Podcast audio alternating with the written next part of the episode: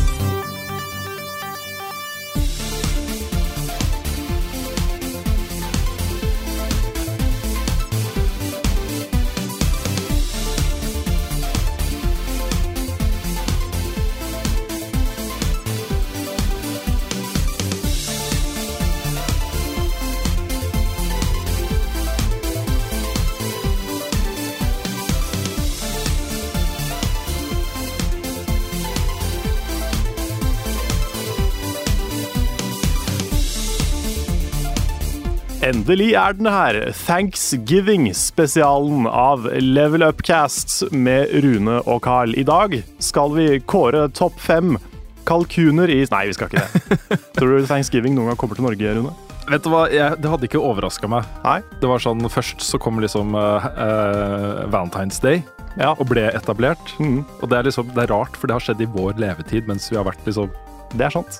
nesten voksen nå. Ja, ja det, er, eh, det er ikke så mange år siden Valentine's Day ble en stor greie. Nei, Og så kom eh, halloween. Ja. Um, Halloween har en litt sånn spennende historie, egentlig. For det var jo opprinnelig fra noe sånn type Irland eller noe sånt. mm, ja, jeg ikke spør meg. Nei, jeg vet ikke jeg heller. Jeg tror det er noe sånn paganistiske greier. Mm. Men uh, De har jo også uh, sånn feiring av de døde i, i Latin-Amerika. ja, det har jeg sett i den nyeste James Bond-filmen også. Så man, skal, man lærer ting Mm. av å se på film. Hva blir det neste? Christmas, liksom? Ja, skal vi begynne å feire Christmas Ja. og Easter? Oh. Nei, det, nei nå altså. Nei, akkurat Thanksgiving er jeg faktisk litt spent på om kommer, til, kommer ut av USA, for det er så erkeamerikansk. mm. Det handler liksom om amerikansk historie og sånn. Ja, det kan jo ikke det. Nei, det kan jo ikke Det det. kan jo ikke det. egentlig. Nei. Det blir rart. Mm. Det blir som om vi skal liksom dytte 17. mai på Ja, egentlig. Det, det er litt sånn. Men det feires jo 4th of July her i Oslo, eh, i Frognerparken hvert år. Gjør det det? Ja, det er jo masse amerikanere som bor i den byen her. Ja, det Så da har de svær sånn eh, 4. juli-feiring med fyrverkeri og Hmm. barbecue og alt. Vi feirer vel sikkert 17. mai i Syden, vi òg. Ja, jeg har vært på 17. mai-feiring i USA. Har du det? Det var kjempegøy. Da hadde de sånn parade med, Oi. Med Miss et eller annet som satt og vinka på, en, eh, på et lasteplan på en bil og Ja. Jeg føler nordmenn i USA er de norskeste nordmennene. mm. De gjør jo ting som vi ikke har gjort på årevis. Ja, de er erkenorske. Ja. Eh, Det er f.eks. en by i California som heter eh, Solvang. Eh, Den er riktignok også delt dansk. Den er sånn dansk-norsk. Ok. Men det å komme dit er liksom Du føler som om du er i Legoland, på en måte. At det er en sånn theme park eh, Ja, basert Park. på norske og danske verdier da, Ja, og ja, kultur. Så det er veldig morsomt. Ja, det hørtes morsomt ut. Ja, det er så mye kritikk mot uh, alle disse flyktningene som renner innover norske landegrensene nå. At de kommer Ja, sett- jobbene våre. Og, Sett en del folk jeg vurderer å fjerne på Facebook. Ja, men det er, det er et sånt utrolig bra avisutklipp, sitat, fra som postes en del på Facebook nå. Mhm. eh, hvor det beskrives da liksom uh, hvor forferdelig det er med alle disse menneskene Ja, som ja, ramler inn sett. Det har jeg sett. og klumper seg sammen i samme bydeler og er uh, norskere enn de norske, liksom. For det er jo da nordmenn som Ja. flytter inn i Chicago Ja, ikke sant? og nekter å la være å være norske. Ja, det var sånn ga gammelt eh, sitat, var det ikke det? Ja, rundt uh, 1800-1900. Ja, så- stemmer. Ja. De første norske, liksom. Jepp. Det er eh, et godt poeng. Ja, det er bare å dra til, eh, til spanskekysten og de norske koloniene som henger der nede. Ja, ja. Mye grisefester og Ja, det er mye greier. sånne ting. Men dette er jo ikke Kulturupcast. Nei, det er ikke det. er det. jo Level Upcast. Ja. Og eh, vi skal jo snakke litt om spill. Vi skal det. Kan du begynne med å snakke om litt hva vi har spilt i det siste? Ja, det kan vi gjøre. Mm. Jeg har spilt mye litt Ja. denne uka her. Jeg vet ikke med deg, vil du begynne? Jeg kan begynne. Ja. Jeg har spilt, hold deg fast, Karl. Mm -hmm. Life is Strange. Har du det? Ja, så begynn på det. Det har du ikke sagt til meg. Nei. Nei, så Sparte, gøy. sparte det til episoden. Ja, ja men eh, nå, med det ble jeg glad for å høre. Det er kult. Hvor, hvor langt har du kommet? Nei, jeg, jeg har fortsatt på første, første kapitlet. -hmm. um, første episoden. Så jeg begynner vel å nærme meg slutten på den, tror jeg. Ok, ja. Er, um, jeg er ikke sånn 100 fanga ennå. Jeg er veldig, eh, veldig nysgjerrig på historien. Uh, og så liker jeg Max. Ja, Max er kjempebra. Ja, og så, og så syns jeg dette her med å, å, å hele tiden vurdere de valgene man skal gjøre, er dritkult. Mm. Jeg liker det veldig godt. Ja, det at du kan, eh, du kan spole tilbake og se hva som skjer Ja. i første omgang når du gjør det andre valget. Nettopp. Um, og allerede så begynner det liksom å danne seg et slags sånn bilde av hvordan, hvor komplekst dette kommer til å bli etter hvert. da. Mm. Uh, hvis man gjør det, så skjer det, men hvis man gjør det, så skjer det. Ja, ikke sant? Og den, den tankeprosessen der er ganske interessant, fordi spørsmålet er liksom hva slags person ønsker du at Max skal være? Mm. Skal hun være liksom snill mot alle? Skal hun være uh, kjip mot de som er kjipe mot henne? Uh, skal hun uh, ta på seg skylden for noe? Mm. Bare for å liksom ikke at andre skal komme i trøbbel. Ja. Det er masse sånne ting hele tiden som jeg syns er gøy. da. Mm. Nå kan jeg halvveis gjette hvor langt du har kommet, men, eh, men ja. Ja. Så, eh, så jeg, ja, jeg kommer til å fortsette å spille det. Ja, det kult. var eh, morsomt. Mm. Det er Jeg vil si at kanskje episode én er den sånn dialogmessig dårligste av de. Det er litt mye sånn der You Got Hella Cash og litt sånn uh, rar lingo. Blæ. Sånn, ja, litt bra. Litt bra-lingo. Men, eh, men det blir mye bedre. Ja da. Og jeg syns dialogen og liksom historien om figurene blir Mm. veldig mye bedre etter hvert. da. Ja, og så syns jeg det å på en måte se Nå har vi snakka fryktelig mye Jeg skal, trenger ikke å snakke så mye om Life is Strange i det- Nei, episoden ikke, også. Nå har jeg, som jeg har også oppdaga det, så Ja, har vi snakka om det enda mer. Men, eh, men jeg syns også det er uh, uh, veldig bra gjort at alle de rollefigurene du møter, eller Max møter, uh, har en bakgrunnshistorie Mm. og en bagasje. De har noe der. Som, eh, som ikke, de er ikke bare sånne papirmennesker som uh, skal liksom danse inn og ut av storylinen til maks, men de har sine egne historier. Mm. Det syns jeg er interessant. Ja, det er, det er veldig kult. Og så er det en utrolig sånn troverdig skole, Mm. syns jeg. Det er kanskje den mest troverdige skolen jeg har sett Ja. i et spill. Det er liksom Jeg føler jeg får sånn flashbacks til folkehøyskole og sånne ting når jeg sitter Mm. og spiller det. Man gjør det. Så det er, det er kult. Og hold deg fast. Mhm. Jeg har spilt mere. Oi. Jeg har spilt Left Behind. Oi! Jeg fant plutselig ut Altså, det, det som skjedde, var at uh, det, var ned, det var service på uh, Ja. maintenance på serveren. Så mye du får gjort når det er maintenance. Så, så jeg satte meg ned og så begynte på det også. Ja. Uh, Og det var et utrolig hyggelig gjensyn. Det har bare ligget der. Det er litt Mm. sånn dårlig samvittighet for at jeg ikke har spilt det. Men, ja. Spilte du gjennom det, eller? Nei, jeg gjorde ikke det. Nei. Eh, For plutselig så poppa det opp at nå var Life is Strange ferdig nedlasta, så da hadde Aha. jeg lyst til å teste det. Ja. Men øh, ja. Kult. Ja, den, eh, den er bra, den delen der, altså. Mm. Jeg mener jeg ga den en sekser i sin tid. Var ikke det i fjor den kom? Jo, det tror jeg faktisk. Begynnelsen av året i fjor, eller noe sånt. Ja, eller om det, ja, jeg husker ikke. Tror det var noe sånt. Men den, eh, jeg likte den veldig godt. Mm. Så det er, eh, det er nice. Ja. Kommer du til å fortsette på det? Ja da, jeg vil se det ferdig også. Det var et par-tre timer, var det ikke det? Jo, det er ikke så langt. Nei. Så, så det vil jeg. Hmm. Ja, skal vi hoppe over til meg? Hvorfor ikke? Jeg har, uh, Mesteparten av det jeg har spilt, har jeg spilt på stream med Lars eh, og Svendsen og eh, han eh, Indian, YouTube, youtuberen, og Benjamin. Eh, nemlig Fallout 4 og Call of Duty. Ja. Og jeg har jo aldri spilt Call of Duty før. Ikke i det hele tatt, liksom? Nei, eller det vil si, jeg prøvde Modern Warfare 2 i ti minutter før eh, 360-en min fikk Red Ring. Ok. Så etter det så har jeg ikke Det var liksom et uh, tegn fra oven om at uh, Ja. Carl, Dette er ikke noe jeg skal dette er ikke noe for deg. Det er for voldelig for meg. Ja. kommer til å, kommer til å få var i men. Nei da. Um, nei, Uh, kan du begynne med Fallout. Det er eh, Jeg merker at det er en kneik jeg må over før det blir ordentlig gøy. For nå er det veldig sånn overveldende, jeg vet ikke hvor jeg skal gå, jeg vet ikke hva jeg skal gjøre. Jeg kan jo følge en Mainquest, men det er liksom ikke helt det som er poenget med Fallout, da, føler jeg. Mm. Du skal liksom utforske og ja, utvikle figuren din og sånn. Så um, jeg må lære meg litt mer om åssen ting fungerer. Jeg har ikke spilt Fallout før, heller. Så um, det hjelper litt å ha spilt litt sånn Elder Scrolls, eh, Skyrim og sånn. For det er mye likhetstrekk der, men Mm. uh, det er fortsatt en del jeg må sette meg inn i. Jeg skal Så- også spille Fallout 4. Jeg tror jeg kommer til å prøve så godt jeg kan å fokusere på Main Quest. Ok, eh, Og se hvor langt jeg kan komme der uten å drive og pusle med oppgraderinger og eh, liksom grinde for å bli sterkere innenfor de områdene jeg har lyst til å bli sterkere og sånt. ja. Jeg er spent på om du klarer det, for det er ganske sånn Det er jo distraksjoner overalt. Ja da, jeg er også veldig spent på om jeg klarer det. Jeg har også eksempel sett en, eh, en uh, mulig fremgangsmåte her, er å starte på liksom den sentrale huben og så bare bevege seg sånn stadig større sirkler rundt den, da. okay, for å liksom utforske. Hmm. Um, men uh, ja, jeg vet ikke. Jeg, jeg blir også litt sånn overvelda når jeg ser hva som er mulig her. Jeg har kikka litt på skill-treet til Hmm. Fallout 4. Det er jo så massivt. Ja. ja, det er litt sånn Overvelda er riktig ord, føler jeg. Jeg har litt den sjøl, at det er sånn Oi, her var det mye å sette seg inn i og mye å gjøre. Mm. Jeg føler liksom jeg, jeg vet ikke helt hvor jeg skal begynne, og da er det vanskelig å begynne, på en måte. Mm. Så jeg, jeg spiller fortsatt litt sånn i korte, uh, korte bursts. Mm. Tenker at å, nå var det litt mye igjen, så nå må jeg ta en pause og så tilbake.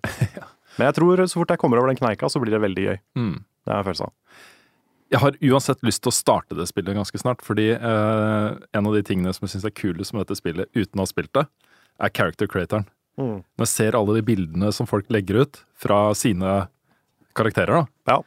Ja. Det er så vanvittig mye kult, og det, Det det. ligner så mye. Jeg har sett liksom John Sina, og jeg har sett masse, masse masse kule bilder. da. Jeg har sett en veldig bra Walter White. Det er dritkult. Ja, for de ligner! Ja, ja. Beavis and Butthead er noen som har laga. Ja, kult. Det er konge. Ja, det er veldig stilig, altså. Mm. Ja. Jeg prøvde å lage meg. Det var ikke så lett. Jeg pleier alltid liksom å prøve å lage meg først, og så bare bare se hvor, hvor likt jeg klarer å få det til. Ja. Og så lager jeg noe annet. Mm. Men uh, kom ikke helt i mål. Nei. Det var, det var vanskelig å være god i den character creatoren. Men Ja. eh, det kom seg etter hvert. Mm. Men det er kult å se hva folk klarer å få til. Ja, det er veldig stilig. Mm. Men uh, Black Ops, ja. Skal du spille mer av det? Ja, vi har jo tenkt å spille gjennom hele campaignen. Ja. Jeg tror vi spilte de fem første missionsa okay. på stream. Mm. Og det tok ca. tre og en halv time. Ja, det er 13 eller noe sånt, er det ikke det? Ja, sikkert noe sånt. Ja. Og det er jo eh, Fikk vel egentlig bekrefta litt sånn mye av det jeg tenkte om, at kanskje ikke det er helt min sjanger. Jeg syns jo faktisk, eh, til, til Destinys credit, så er det mye morsommere å spille enn det jeg følte Black Ops var. Altså, Bungie er mestere på gunplay. Ja, jeg følte det her ble litt sånn Det ble litt sånn papp. Ja. Eh, Det er sikkert veldig skummelt å si det eh, for alle COD-fans og sånn, men det er bare Det er ikke meg, da. Nei. Jeg skjønner at det er gøy, det er jo spektakulært og det er kult. Mm. Og den litt mer kompetitive, dype greier kommer jo helt sikkert inn eh, når man spiller multiplayer. Ja, og jeg ser nå det er massevis av folk som forlater andre skytterspill for å spille Black Ops 3 multiplayer. Mm. Eh, Det er jo så utrolig godt tilrettelagt for folk som eh, har lyst til å dedikere seg ganske hardt da, inn i en, en, et multiplayer-skytterspill. Mm. Eh, Med arena som har ranked play, og de har liksom turneringsopplegg og klanopplegg og Uh, leveling opp av, av ferdigheter og våpen og alt mulig rart, liksom. Mm. Veldig godt tilrettelagt for det. Så, så det er nok der det Ja. spillet har mest å, å gi, tror jeg. Det er nok det. Ja, jeg, jeg har jo bare spilt eh, campaignen Mm. sammen med Lars og Indi og Benjamin. Og det er sånn Det er gøy fordi vi spiller sammen. Jeg tror ikke jeg hadde hatt så gøy med det aleine. Mm. Men det er, eh, det er jo meg. Det er ikke helt min sjanger. Og jeg innser at liksom det er sikkert mer jeg som er problemet enn en spillet. Mm. Men, eh, men ja. Ja, det er du som er problemet. Det er jeg som er problemet. Det er som regel jeg som er problemet. Og så er jeg litt sånn Et problem jeg alltid har hatt med COD-serien, er navnet. Call of Duty. Mm. Hater det navnet. Det er så douchey. Du må også huske hvor disse folkene kommer fra, de som har lagd COD-serien. De jobba i EA, de lagde Medal of Honor-serien. Medal of Honor. Det var veldig sånn derre den andre verdenskrig, tilbake, den eh, æren liksom som lå i det, da. Ja. Eh, Så Call of Duty var på en måte inspirert, eller et direkte motsvar til Medal of Honor. Mm. Eh, hvis Medal of Honor hadde hett noe annet, så ville også Call of Duty ha hett noe annet. Ja, Fordi- ja det kan nok hende. Ja, for jeg tror liksom Medal of Honor-navnet skapte Call of Duty-navnet. Ja. Det skulle være liksom alle som eh, så dette spillet, skulle liksom få de assosiasjonene, ikke sant? Ja. Eh, til andre verdenskrig og Ja, for, for det er litt mitt problem. Jeg hater jo de assosiasjonene. Mm, Den der eh, patriotismen og den der æren i krig, liksom. mm, Det, det er ingenting som er mer turnoff for meg enn de tinga der. Nei. Så Det også er jo veldig meg, men eh, Ja, nei, det er eh, Jeg kommer liksom ikke helt forbi den derre Det var spesielt den ene trailer-quoten. Jeg har sikkert nevnt den før, i Call of Duty Ghosts. Hvor du har den der, den svære, bøffe sandpapirmann-ansiktet-fyren.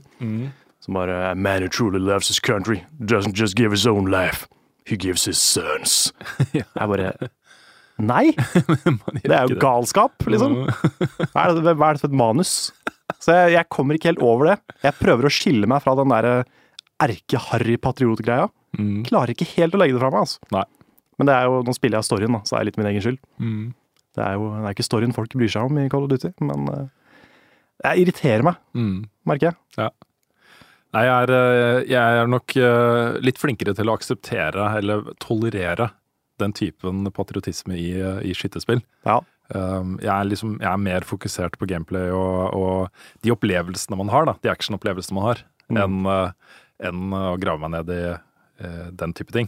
Ja. Men, eh, men jeg, jeg skjønner jo hva du mener, og jeg har jo personlig mye mer pris Setter mye større pris på den måten krig blir behandla i Metal Gear-serien, eksempel. Mm. Hvor uh, uh, nyansene det er, det er så mange nyanser. Ja, sant. Skillelinjer mellom eh, onde, de onde og de snille er liksom nesten borte, og eh, folk har liksom mange sider, og Mm. eh, det er mye mer komplekst, da. Eh, fiendebildet. Det, Ja. Jeg, jeg syns jo det er mer interessant. Ja. Jeg, jeg sier ikke at det liksom er eh, At jeg er imot at man skal få lov å ha en sånn krigs-power fantasy-type ting. Det er helt greit, det.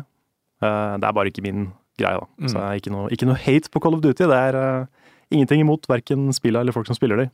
Men eh, det er ikke helt meg. Det er en ærlig sak, Carl. Det er en ærlig sak.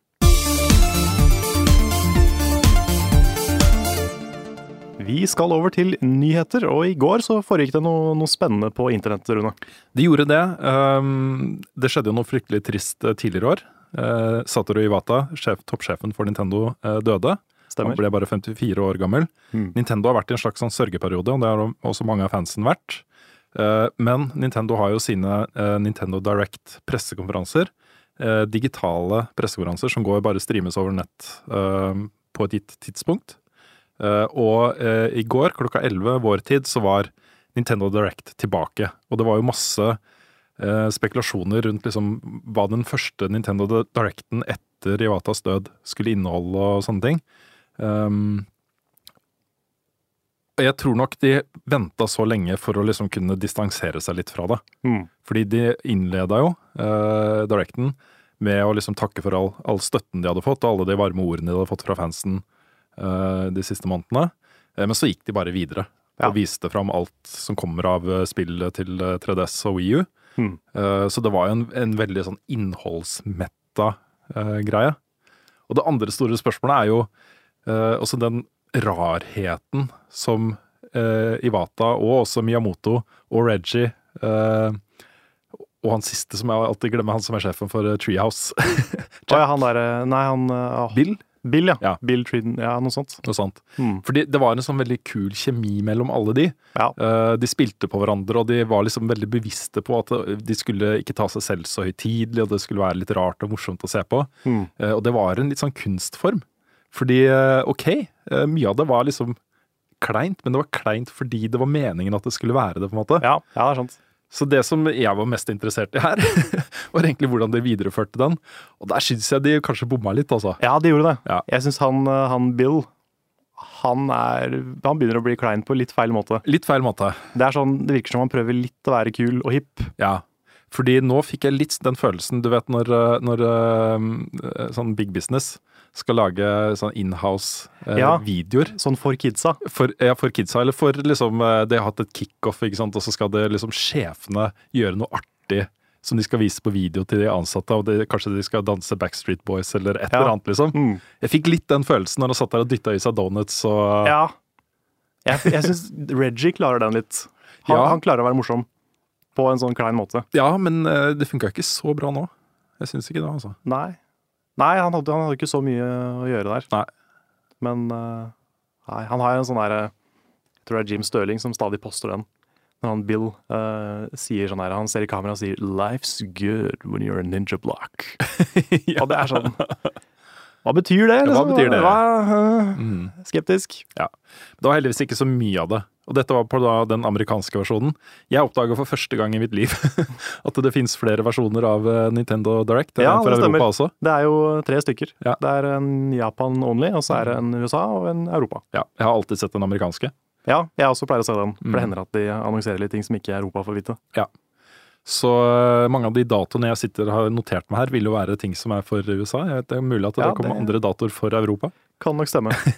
Men vi kan gå gjennom noen av de største nyhetene. Vi går ikke gjennom alt, fordi um, det er uh, mye. Det er mye. Veldig mye. Og uh, som generelt så kan jeg si at veldig mye av dette så veldig bra ut. Mm. Jeg tenkte at ok, dette her er morsomt, liksom. Dette er kule spill å spille. Ja. Uh, og særlig på 3DS så ser det ut som det er en skikkelig god tid i møte nå, med mye kule greier som kommer. Mm. Ja, de har vært flinke til å følge opp 3DS-en. Mm. Men vi kan jo begynne med det som eh, kanskje var det største fra uh, Directen, og det er jo uh, Zelda-serien. Ja, Uh, det ble bekrefta at uh, Twilight Princess kommer til Wii U. Det gjorde den. Den heter Twilight Princess HD. Um, den kommer 4. mars i USA. riktig. Vet ikke om det er Europa. Nei, vi får håpe det. Ja, vi får håpe det.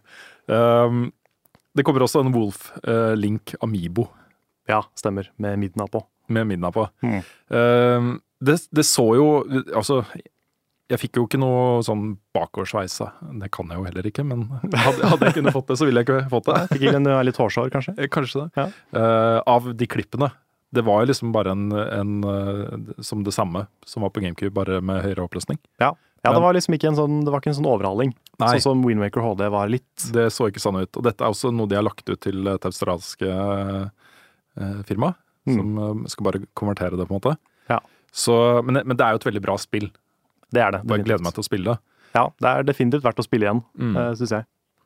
Og så er det også sånn, de nevnte jo at, eh, at eh, noen av de eh, dataene man kan lagre i Twilight Princess eh, HD, vil kunne overføres til eh, det nye Zelda-spillet som kommer på Wii U. Stemmer. Og der kom det også en, eh, en, en, et løfte om Ja. at det skal komme i 2016 Ja, og at det kommer på Wii U. på Wii U. Så nå kan vi slutte de spekulasjonene, Ja. eh, og heller begynne å spekulere i om det også kommer på deres neste konsoll. Ja, for det kan jo hende. At de kjører en Twilight Princess, sånn som Mm. de gjorde der. At vi, eh, GameCube og Wii. eh, nå blir det da Wii U og NX. Kanskje. Og så fikk vi se 13 sekunder med footage fra dette Ja, nye Zelda-spillet. Det var ett klipp med Link som ridde på Epona, og det var det. Ja. Så fortsatt hyped for det spillet, altså. Ja ja, definitivt. Mm. Eh, den andre store Selda-nyheten var eh, en kvinnelig uh, Link. Ja, for det, det har jo eh, fyrt i gang en del spekulasjoner. Yep. Eh, også før den directen her. For det har vært Mm. noe sånn konseptart liggende av henne. Ja. Linkle, som hun het. Linkle, er for et nydelig navn. Ja, flott navn. Så det, det som nå er kanskje den største spekulasjonen, er at man kan spille som Linkle i det nye. Ja, fordi det som ble annonsa, var at øh, hun ble introdusert som en character i uh, Hyrule, Warriors Legends. Stemmer. 3DS-versjonen som kommer Var det mars neste år, eller noe sånt? Det kan stemme, det. Eh, og hun så badass ut. Ja ja, hun så dritkul ut. Ja, litt sånn ninja Veldig sånn mobil og kule moves, liksom. Mm. Jeg fikk lyst til å spille med henne. Ja, Ja, jeg også. Jeg syns hun virka dritkul. Mm. Så eh, jeg håper litt det, altså, at man kan faktisk velge om man vil spille som Link eller henne i neste Zelda-spill. Altså, det er jo en så kul åpning, hvor du kan eksempel liksom, helt i starten av det nye Zelda-spillet eh, overvære liksom, fødselen av Link, Mm. og eh, der liksom ta et valg, ikke sant, om, om det skal være en jente eller gutt. da. Ja. Eh, jeg bare ser for meg det som et ganske kult øyeblikk. Mm, definitivt. Så, Det var jo mye spekulasjoner da det nye Zelda ble annonsert, om Link i traileren faktisk var mm. en jente. Ja. For eh, det var kanskje den mest feminine Link vi har sett hittil. Ja, det hadde jo vært eh, radikalt Mm. av Nintendo hvis de hadde tatt det valget. Det hadde Jeg hadde elska dem for det. Ja, ja, det hadde vært kjempekult. Mm. Jeg vet ikke om de hadde turt, men det hadde vært veldig kult. Jeg, jeg har i hvert fall ingen problemer med å, stirre en kvinnelig Link. Nei, det hadde nei, vært eh, megakult. Jeg er ofte sånn, hvis man kan velge å spille som dame, så hender det at jeg ganske ofte velger å gjøre det. Bloodborne har jeg aldri spilt som en dune. Ok. Det er, eh, det er litt, litt fordi det er, sånn, det er mindre vanlig. Er denne karakteren du har lagd i Bloodborne en kvinne, Karl? Ja, den, er- den på streamen, det, er, det er en dame. Det er, det er helt, helt type- umulig å bestemme se, se hvilket kjønn det er, egentlig, for den Ja. er så utrolig stygg. Ja, det er forferdelig. Men de to andre er veldig fine. da. Det Ja. er fine karakterer. Okay. De uh, ser litt mer menneskelige ut. ja, ok, men det er bra. Mm. Ja, nei, jeg har ikke noe særlige preferanser. Og det er jo også fordi eh, eksempel eh, Resident Evil-serien, så eh, fulgte man jo mange forskjellige rollefigurer gjennom spillene. Noen av de var kvinner, noen av de var menn. De hadde bare sine forskjellige historier. Og det er jo på en måte Det er jo ikke så farlig, liksom, om de er kvinner eller menn. Det er jo historien og personligheten og sånne ting jeg har lyst til å få med meg. da. Ja. Og jeg er ikke sånn som sitter og liksom Jeg er Link når jeg spiller. Nei, nei, den har aldri jeg fått heller. Nei. Ikke engang i liksom type sånne førsteperson type Skyrim. Mm. Jeg, jeg får ikke den derre den type innlevelsen. Nei, jeg gjør ikke det Jeg er veldig bevisst på at jeg spiller som en annen figur. Mm. Og den derre immersion-greia som eh, utvikleren er så glad i å snakke om, Ja. den, den får jeg ikke helt. Nei, jeg får den, men jeg får den på en litt annen måte. Det er på en måte ikke en sånn at jeg lever meg inn i rollefiguren. Det er mer Nei. at det som skjer med rollefiguren, uh, har større effekt. Særlig hvis det er førsteperson. Uh, Gordon Freeman, Half-Life. Uh, måten uh, NPC-ene kommuniserer med han på, eh, påvirker min innlevelse i spillet. Men eh, det er ikke sånn at, at jeg tror jeg er Gordon Freeman. Nei. Nei, det er litt, for meg så er det litt sånn eh, Det er kanskje grunnen til at jeg foretrekker ikke stille protagonists. Mm. At jeg, jeg liker best at jeg er en hovedperson med en personlighet. Ja. Fordi jeg føler ikke at jeg er hovedperson uansett, på en måte. Mm. Så heller liksom en Nathan Drake og Lara Croft enn en sånn stille ingen. Mm. Ja, jeg, det er jo en forskjell der, men jeg, jeg sidestiller det litt. grann. Ja. Jeg um, syns begge deler er gøy, da. Eh, jeg er ganske opptatt av den, den derre innlevelsen man kan få i et spill.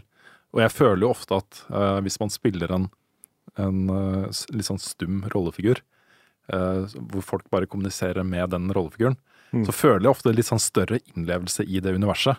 Sånn den immersion-tingen blir litt sterkere for meg. Ja, jeg men, ser den. Men samtidig så Jeg får jo kjempeinnlevelse i tredjeperson også, liksom. Så det er ikke Mm. Det er nyanser, da. Det er ikke vesensforskjell, syns jeg. Nei. Nei, altså det er jo mange, det er mange som gjør det riktig. Mm. Type Half-Life og Portal, det gjør det jo kjempebra. Ja. Undertale har en veldig kul måte å gjøre det på. Så eh, definitivt. Mm. Finnes mange bra eksempler på begge deler. Det gjør det. Vi kan ta den siste um, Zelda-nyheten som kom fram også. Bare nevne det kjapt. Eh, Det kommer en oppdatering til eh, Triforce Heroes, 3DS-spillet. Ja, stemmer. Den kommer 2. desember, og det er en sånn derre eh, Litt sånn dungeon-aktig sak med mange, mange mange levels. Ja, litt sånn der, Det er jo en del Zelda-spill som har de der 100 floor dungeonsa, Ja. hvor du må slåss og så ned i neste Ja, Sikkert litt sånn. det blir litt sånn. Mm. Um, du kan få checkpoints også på veien, men jeg tror det var sånn at hvis du uh, bruker opp alle livene dine, så må du starte på nytt. Så det er en sånn uh, co-op-ting, da, Mm. uh, som, som er ganske interessant. Greit. Uh, ta en nært forestående uh, spillnyhet i Wii U. Um, Xenoblade Chronicles X. Ja, Der ble det vist fram en del ny gameplay. Det, det ser jo veldig kult ut. det gjør det. Det er jo et spill som Frida har tatt dibs på, Hun, hun har tatt dibs på denne. på å anmelde. Ja. Så det kommer vel en anmeldelse av det så fort, eh, så fort det er ute. Ja, for det lanseres jo, jeg tror det var 4. desember. Så det Ja. blir jo en sånn jule, En juleanmeldelse. juleanmeldelse. Mm. Um, det nye de sa der, var at de kommer til å lansere fire sånne nedlastbare pakker. Som eh, hvis du kjøper en fysisk eh, kopi av det spillet, eh, så oppfordra de deg til å laste ned de. Og det var totalt Hver enkelt var på rundt to gigabyte. Så rundt sånn 8-9 gigabyte med data da, som de anbefaler folk å laste ned og installere for at det skal flyte bedre. Jeg får litt sånn eh, angst av det. Jeg tenker Ja. at ok, her er det problemer, liksom. Hvis du ikke gjør det, kommer det til å bli spillbart. Ja, de som, alle de som kjøper det på disk, liksom, hva, Ja. må de installere det fra disken da, kanskje? Eller? Nei, det kommer ikke på disk. Det er noe du må laste ned via eShop. Oh, ja, det, Det er gratis, men det er eh, Ja, det er et merkelig, eh, en merkelig greie. Får vi håpe for de som ikke har internett på konsollen sin, at det ikke er essensielt. Nei, men du kan laste det ned nå. Ja. Før det har kommet ut. Mm, Og kjøper du det digitalt, så er det allerede en del av pakka. skjønner. Uh, vi fikk også se uh, masse nytt fra Star Fox Zero, som nå har fått en dato. Det er 22. april Stemmer. i USA. I USA. uh, vi burde liksom ha sjekka sånne ting før Ja, vi går i burde, vi, det er mange ting vi burde sjekke før vi begynner, men det, det gjør vi som regel ikke. Nei, vi gjør som regel ikke det. Jeg, jeg, jeg får fortsatt ikke noe fil av det spillet. Jeg gjør ikke det, altså. Nei, jeg testa det jo litt på E3. Ja. Jeg syns det er noe kult der. Eh, det har en veldig kul måte å bruke gamepaden på. Mm. Ja, den, jeg- jeg, ser den også. Mm. Og eh, jeg ble litt litt, eh, gira. Men jeg sp- spilte det ikke nok til å liksom lære meg det ordentlig. Mm. Men det er nok et spill som ikke ser så spektakulært ut. Men det kan potensielt være ganske gøy. da. Ja, fordi det som, det som Den ene tingen jeg henta ut av det de viste fram i, i natt, var forskjellen på de forskjellige uh, skipene. Um, og måten man bruker de på. Hvor du hadde en tank, liksom, du hadde en stealth, og du hadde en veldig sånn nimble uh, action-skip med R-wing. Uh, og det åpner jo opp for litt sånn muligheter i gameplay som, som kan tilføre litt variasjon, da.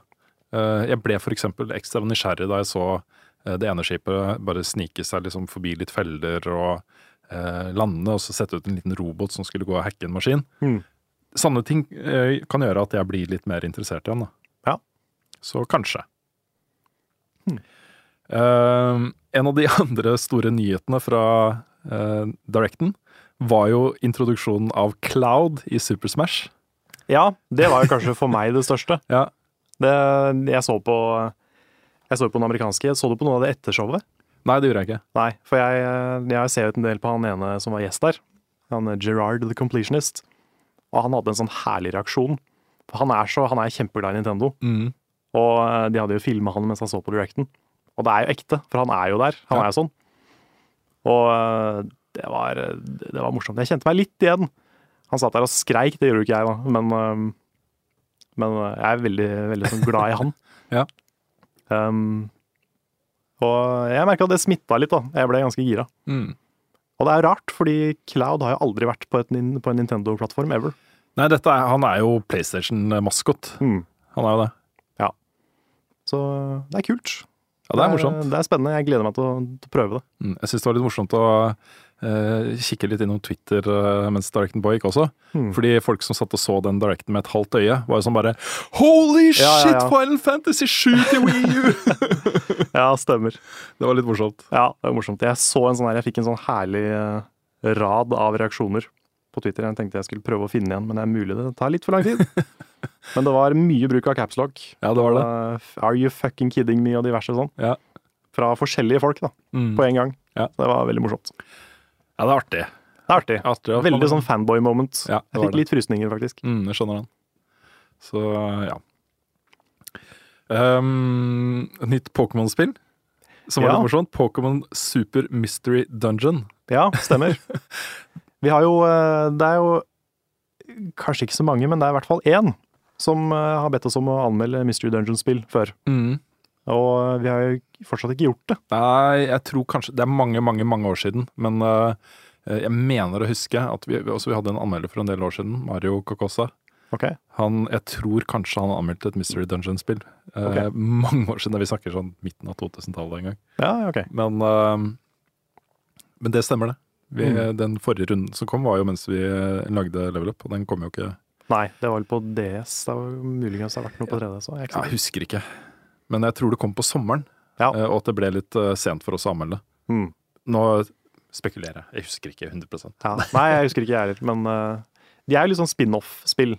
Jeg har ikke spilt noen av de sjøl. Jeg er det- ganske Pokémon-fan, men jeg har ikke spilt de. Nei, Det som er litt morsomt her, uh, er jo at du styrer jo Pokémoner. Du er liksom i Pokémon-verdenen. Mm. Uh, alle Pokémonene som er lagd til nå, Ja. kan finnes og brukes i dette spillet. Det er 720 av Ja, dem. det er ganske imponerende. Ja. Det skal jeg innrømme. Men det er litt morsomt. Jeg tenkte liksom tanken mens jeg så det klippet at um, ok, her har du Pokémoner som går rundt alene. Kanskje en av de tingene de skal finne, er en trainer? Kanskje Som de kan lære opp Ja, og bruke i kamp? ja sånn uh, slavemenneske, liksom. Ja, ja. Ja. det hadde vært en litt morsom vri. Men det hadde vært noe. Mm.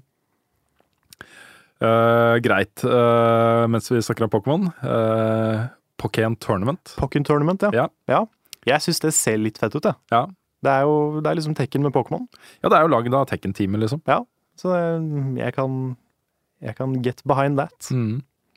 Jeg har ikke testa det, men uh, kanskje en dag så blir det, så blir det bra. Hvem vet? Kanskje, kanskje. Kanskje, kanskje. Det kommer også et par store oppdateringer til Splatoon og Super Mario Maker. Ja. Eh, En ting som var litt interessant fra Directen, var at eh, Nintendo lover at det vil komme eh, gratis oppdateringer til det spillet fram i hvert fall minst frem til januar, sa de. oh, ja. neste januar. Så det betyr jo at eh, de har på en måte satt en slags deadline for hvor lenge de kommer til å supporte det spillet med nytt content. ja. Splatoon, eller? Splatoon, ja. Ja. ja. Uh, og det, det er januar. Eh, jeg tenker at de kanskje ser det litt an etter det, hvor mye, de skal, mye tid de skal bruke på det. Mm. Men en ting de introduserer nå, er jo muligheten til å lage liksom private turneringer og uh, ha en litt mer sånn competitive greie på det. Det kommer en nytt map og uh, masse nytt gear Mm. Uh, en gratis oppdatering som er ute nå. ja. De har vært flinke til å fylle på ting til det spillet. altså. ja, det er det. Det var litt, litt labert med content helt i starten, Mm. men det har jo virkelig kommet mye. Det har det. og til Super Mario Maker så kommer det en app Ja, som du kan eh, filtrere Du kan søke etter eh, levels. ja det er jo én måte å gjøre det på. Ja, og den blir vel da linka til den nye Nintendo-tjenesten. Ja, sannsynligvis. Hvor eh, du kan faktisk gjøre det på appen, og så er det tilgjengelig for deg på Wii U-en din. Ja, Jeg tipper i starten så blir det vel sånn at du, eh, du logger på via Meverse-kontoen din eller sånt. Ja. Så mm, ja. Jeg hadde jo trodd at de ville gjøre det i spillet. Mm. Gjøre det lettere å søke på levels. Ja. Men eh, ja ja. De, gjør, ikke- de gjør det med en app, så why not? Ja, Hvis ikke det er mulig, da, så er det i hvert fall bedre enn ingenting. Det er det. Det var eh, lagd til nå var det 3,2 millioner uh, Super Mario Maker-levels. Ja, det var noe sånt. Det er uh, ganske heftig. Ganske bra. Ja, Den siste tingen som jeg hadde lyst til å snakke om, det er mulig at du har flere, men det var et lite indiespill som uh, de viste fram, som skal komme på eShop. Ja, tenk på det ordet Ja, Ty Ja. Typoman. Typoman, ja. Det. Det, så kult ut. Det så veldig kult ut. Ja, og det var liksom Ligna veldig på Limbo. Ja, jeg fikk litt sånn limbo-assosiasjoner. Ja, Men det var også, eh, også hindringer i eh, dette 2D-miljøet. var jo ord, hvor det sto et ord som også sa noe om liksom hva du skulle gjøre, eller hva slags handling, eller hva slags felle du eh, møter. eh, og sånt, og så kunne du manipulere de ordene, bytte på, på bokstaver, ta bort en bokstav, og så ble det noe annet. Mm. Jeg syns det var en sånn forfriskende kul eh, greie som eh, gjorde meg veldig sånn nysgjerrig. Da. Ja, definitivt. Det, det, må, det må veldig prøves. Var det noe annet fra Directen du hadde tenkt å snakke om, bortsett fra Nei, jeg tror du dekka ganske mye av det nå. Det, Ja. det er i hvert fall det, jeg- det jeg husker best. Jeg vet fortsatt ikke hva Yokai Watch egentlig er. Nei, det er jo Det går jo for å være liksom den spirituelle arvtakeren til Pokémon. Mm. Um, vet ikke om det kommer til å slå an i uh, Europa. Ja, ikke peiling. Og jeg vet ikke om jeg teller ned liksom dagene til neste kapittel i det der viktige møtet til Bill og Reggie. Nei, det der uh, dere spiste de der donutsa. Ja. ja. Det var ikke den morsomste vitsen jeg har sett. Nei, det var det ikke det, altså. er- Vi har hatt mye rart i level up, men, uh, men ja, det var ikke så morsomt. Nei, det var ikke det. Men, Vi- Ja. Ja, eh, nei, altså Jeg var litt nysgjerrig på Yokai Watch eh, første gang vi så det. På, tror det var på E3-visninga hans. Da var jeg litt nysgjerrig, for jeg tenkte liksom ja, ja, hvis det er en Pokémon fra en ny generasjon, kan være kult. Men jeg blir litt mindre gira hver gang jeg ser det nå, merker jeg. Mm. Jeg vet ikke om det er liksom måten de velger å presentere det på. Det virker litt sånn ja. Ja, jeg veit ikke. Det enten, enten så vet de ikke helt hvordan de skal vise det fram, Nei. eller så gambler de på at det skal bli en sånn skolegård-hit. Ja. Hvor de ikke trenger å markedsføre det fordi kidsa går bananas likevel. Ja. Ja, fordi de har den derre Yokai is why. Ja, Og eh, det er litt teit. det er litt teit. Det er litt teit. Mm. Jeg skulle ønske det var litt mindre teit. Men det er jo Det går litt tilbake til sånn som de markedsførte Earthbound i sin tid. Mm. For det også visste de jo ikke hva de skulle gjøre med. Så de, de hadde en sånn herre Prøvde å appellere til sånn herre gross-trend. Hvor du, du fikk med sånn herre Ja. Smellovision-kort. Og eh, slagordet var 'This game stinks'. Og liksom, de, de skjønte ikke hvorfor ikke det slo an. Så de har gått på noen sånne blemmer. De har det. Eh, ja, jeg har en følelse av at kanskje dette her er en av de. Jeg vet ikke. Jeg har ikke peiling. Nei, jeg vet ikke hva, hva kidsa liker dagen. Eh, Kanskje det, kanskje det er kult. Kanskje det. Vi tar et par andre nyheter før vi skal gå videre til spørsmål og svar. og Det er en sånn morsom greie den gangen eh, her. Vi kommer tilbake til det. Eh, Den første er at JJ Abrams, som er en, ja, en ganske godt kjent filmregissør som, som snart er klar med en sånn liten indiefilm lagt til sånn sci-fi. Ja, det der Star, uh, Star Horse. Ja, Vi får se om det blir en suksess. Jeg vet ikke om det Nei, er eh, ikke. Nei. Nei. Uh, Men han har gått sammen med Chair Entertainment, som står bak et av mine favorittspill uh, ever. okay. eh, Shadow Complex. Ja. Ja. Eh, og eh, Infinity Blade-serien på, eh, på IOS eh, for, om å lage et spill. Han skal okay. lage en spionthriller, en spion-RPG-thriller, som heter Spy Jinx. Spyjinx. Ja, jeg fikk eh, gode vibber av det. Det var sånn Dette er en ting som jeg kan like. Ja. Um, og jeg har hele tiden gått og bare venta på et nytt eh, Shadow Complex-spill, fordi pokker også det spillet er bra. det er så bra. Så eh, ja, vi får se. Jeg tror dette blir en sånn 2D-scroller-sak. Eh, I gate med Shadow Complex. Ja, for det var det, det Metroid-aktige Ja, det er, det er basically Super Metroid, med Ja. moderne våpen og moderne setting og, sånt. Men uh, bare helt insane vellaga. Alle power-upsene og alle våpnene i det spillet var så utrolig bra laga, så Ja. Jepp. Nice. Så det gleder jeg meg til. Uh, og det jobbes også med en remake av System Shock 2. Hei. Og det Ja. Det er noe jeg gleder meg til, altså. Ja, det er interessant. Jeg har liksom prøvd å spille det igjen eh, flere ganger nå. Det er jo tilgjengelig på Good Old Games, f.eks. Eh, og det funker på moderne PC-er.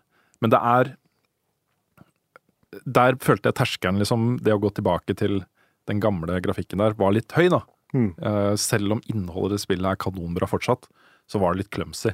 Og det fjerna meg litt fra den gleden jeg husker fra originalen, liksom. Ja. Så eh, det å kunne se en remake av det, eh, det, ja, det kan bli dritbra. Jeg, jeg synes sånn, For meg så er kanskje det som er vanskeligst å gå tilbake til, er PlayStation 1. For det er så blocky nå. Det er sånn Nintendo 64 er lettere fordi det er så sånn fargerikt og Mm. det er mer cartoony. da. Men de spillene som prøvde å være realistiske på PlayStation 1, de gjør vondt å se på nå. Altså. Mm. Det er kanskje de typer retrospillene som er vanskeligst å embrace for meg. Jeg syns de har på en måte fortsatt sin egen sjarm. Jeg har jo spilt en del av de PlayStation 1-spillene igjen uh, i sånn klassikerinnslag og sånne ting. Mm. Uh, Metal Gear første, Metal Gear Solid eksempel. Ja. De har sin egen sjarm, Ja, ja, det har de definitivt. Det- men terskelen er høy. Så Mm. hvis man bare kommer over den terskelen, og liksom lever seg inn i det og blir vant til det, liksom, så funker det kjempebra. Ja, Det er samme med Final Fantasy 7. Mm. Det er jo kjempespill. Ja. Det er jo mange gode grunner til at folk elsker det spillet. Men uh, grafikkmessig så er terskelen litt høy nå. Ja. De figurene ser ut som liksom en blanding av Skipperen og Lego. Ja, det gjør jo det. Mm.